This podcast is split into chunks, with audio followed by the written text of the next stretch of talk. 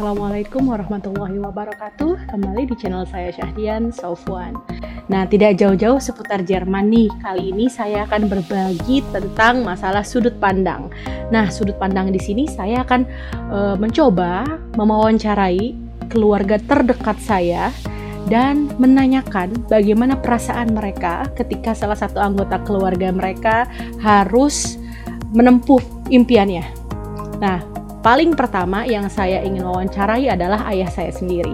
Nah, mungkin beberapa dari kalian sudah merasa mulai ah saya sudah terlalu banyak nih cerita-cerita sharing orang yang kuliah ke Jerman, tapi jarang sekali ada yang mewawancari keluarganya, apalagi jika keluarganya itu bukan keluarga yang memang sudah um, silver spoon ya, jadi sudah terlahir dengan keluarga yang berada gitu. Nah, maka dari itu kita denger nih cerita langsung dari ayah ibu saya. Ceritanya berbentuk rekaman, jadi nanti saya akan tampilkan uh, bagaimana foto ayah saya. Dan beliau juga punya channel anyway. Uh, ayah saya itu seorang yang berbakat dalam bidang kiroat jadi beliau itu kalau ngaji, masya Allah, ngajinya seperti bernyanyi. Bisa nyanyi nggak sih beliau? Beliau adalah fans berat Bapak Haji Roma Irama. Jadi semua lagunya, semua cengkoknya bisa banget. Cengkok dangdut saja bisa, apalagi mengaji gitu ya. Nah boleh banget bagi yang penasaran, silahkan kunjungi YouTube channel ayah saya di Sofwan Tegal silahkan dicek di sana ada banyak lagam-lagam makom-makom bayati syuri, bayati koror yang bisa bermanfaat buat para muslim-muslimin yang juga ingin belajar kiroat, belajar untuk tilawah gitu ya, boleh banget kunjungin ya. Oke, okay, the talk is about to start.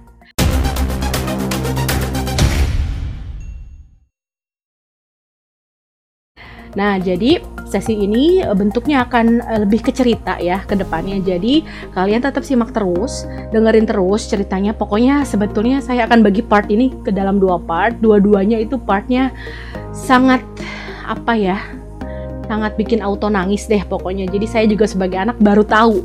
Saya baru tahu bahwa ayah saya menyimpan perasaan itu ketika saya kekeh petekeh gitu ya. Ketika saya tetap memperjuangkan untuk bersekolah di Jerman.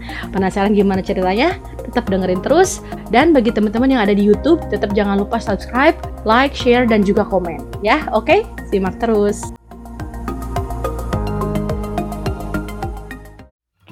karena pilihannya ke Jerman sehingga kalau ada apa-apa saya tinggal ini kan pilihan kamu jadi kamu harus bertanggung jawab atas pilihannya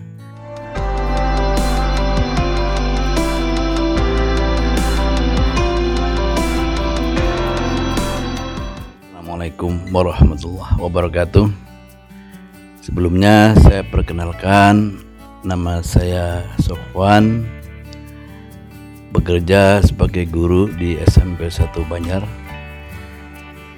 Saya di sini berbicara selaku orang tua Syahdian Fitriani Sofwan. Saya selaku ayahnya pertama kali mendengar anak saya ingin ke Jerman. Saya sangat kaget. Kenapa kaget?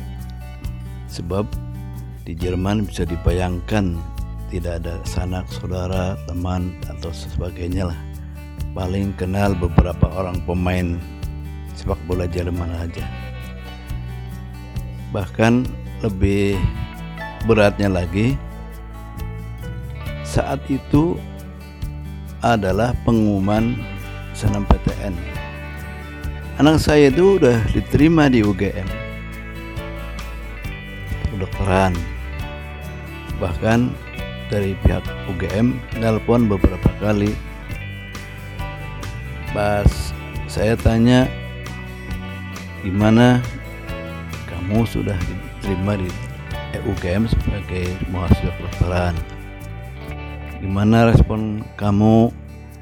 Tapi tetap Sahdian itu tetap pengen kuliah di Jerman. Bagaimanapun sebagai orang tua karena pilihannya ke Jerman sehingga kalau ada apa-apa saya tinggal ini kan pilihan kamu. Jadi kamu harus bertanggung jawab atas pilihannya. Ini adalah jalan hidup kamu.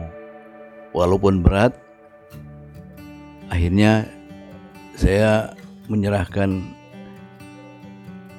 pilihannya agar dia tanggung jawab. Ditambah dulu itu ada teman teman sekolahnya yang ingin pergi ke Jerman.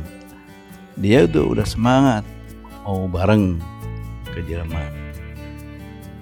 Waktu itu sudah bertemu dengan ibunya, malah orang kesiapan kesiapannya sudah beberapa hal yang matang. Sehingga saya uh, percaya bahwa dia akan bersama anak saya.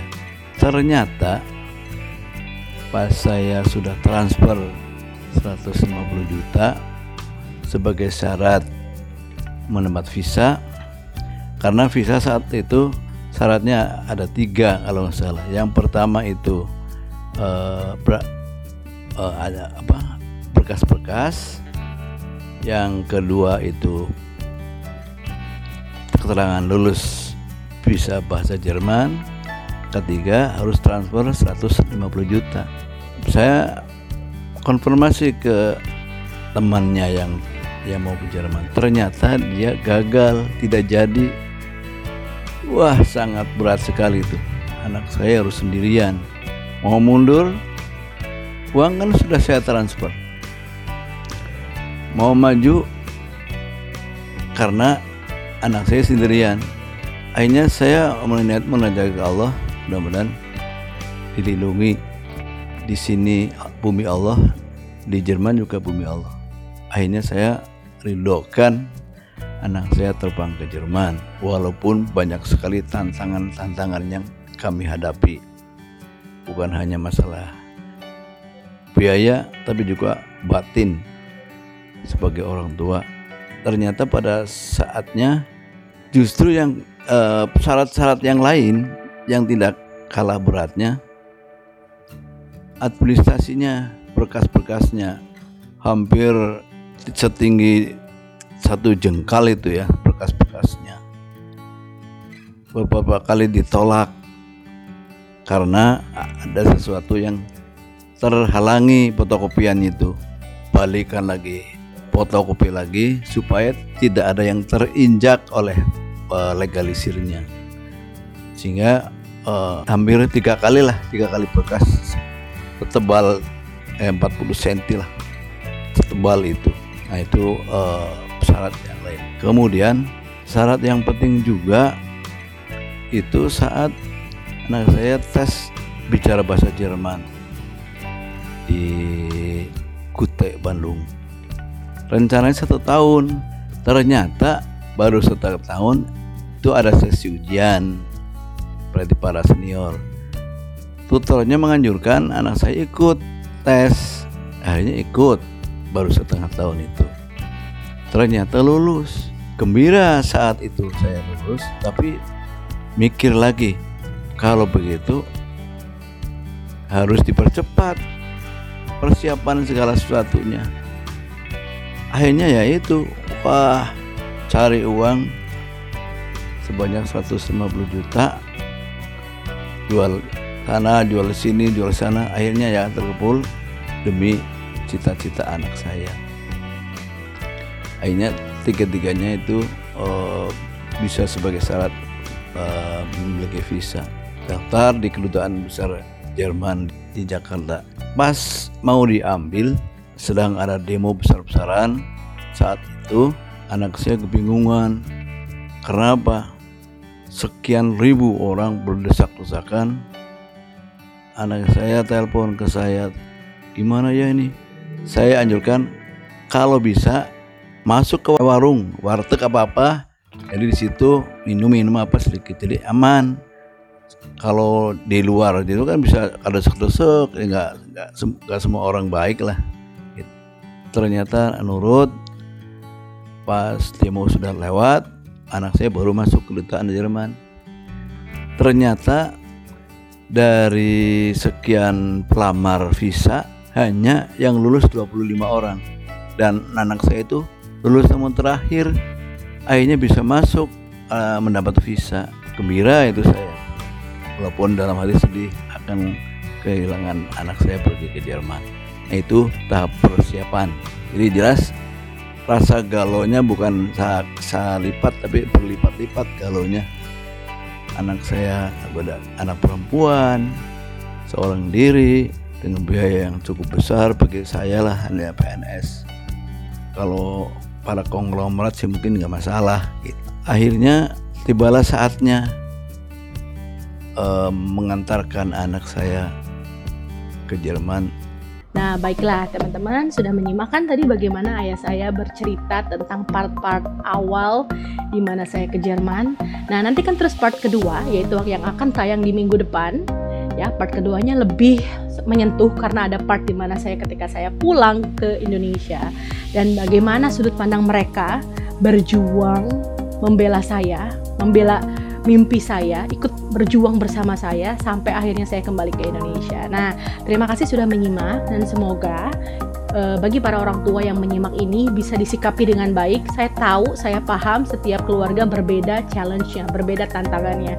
Tetapi uh, semoga apa yang saya sampaikan ini bisa menjembatani bagi para para orang tua lainnya yang mungkin sedang ada dalam masa dilema ketika anaknya ingin berkuliah ke luar negeri. Nah, simak terus tips-tips dari ayah saya dan cerita-cerita dari ayah saya. Dan setelah ayah saya nanti saya akan berbagi share dari cerita sudut pandang ibu saya, setelah itu kedua adik saya. Penasaran kan? Makanya tetap stay tune terus di podcast saya biar Syahdian jelasin atau di YouTube channel saya Syahdian Sofwan. Terima kasih banyak. Jangan lupa tetap subscribe, like, share dan juga komen video ini. Terima kasih. Assalamualaikum warahmatullahi wabarakatuh.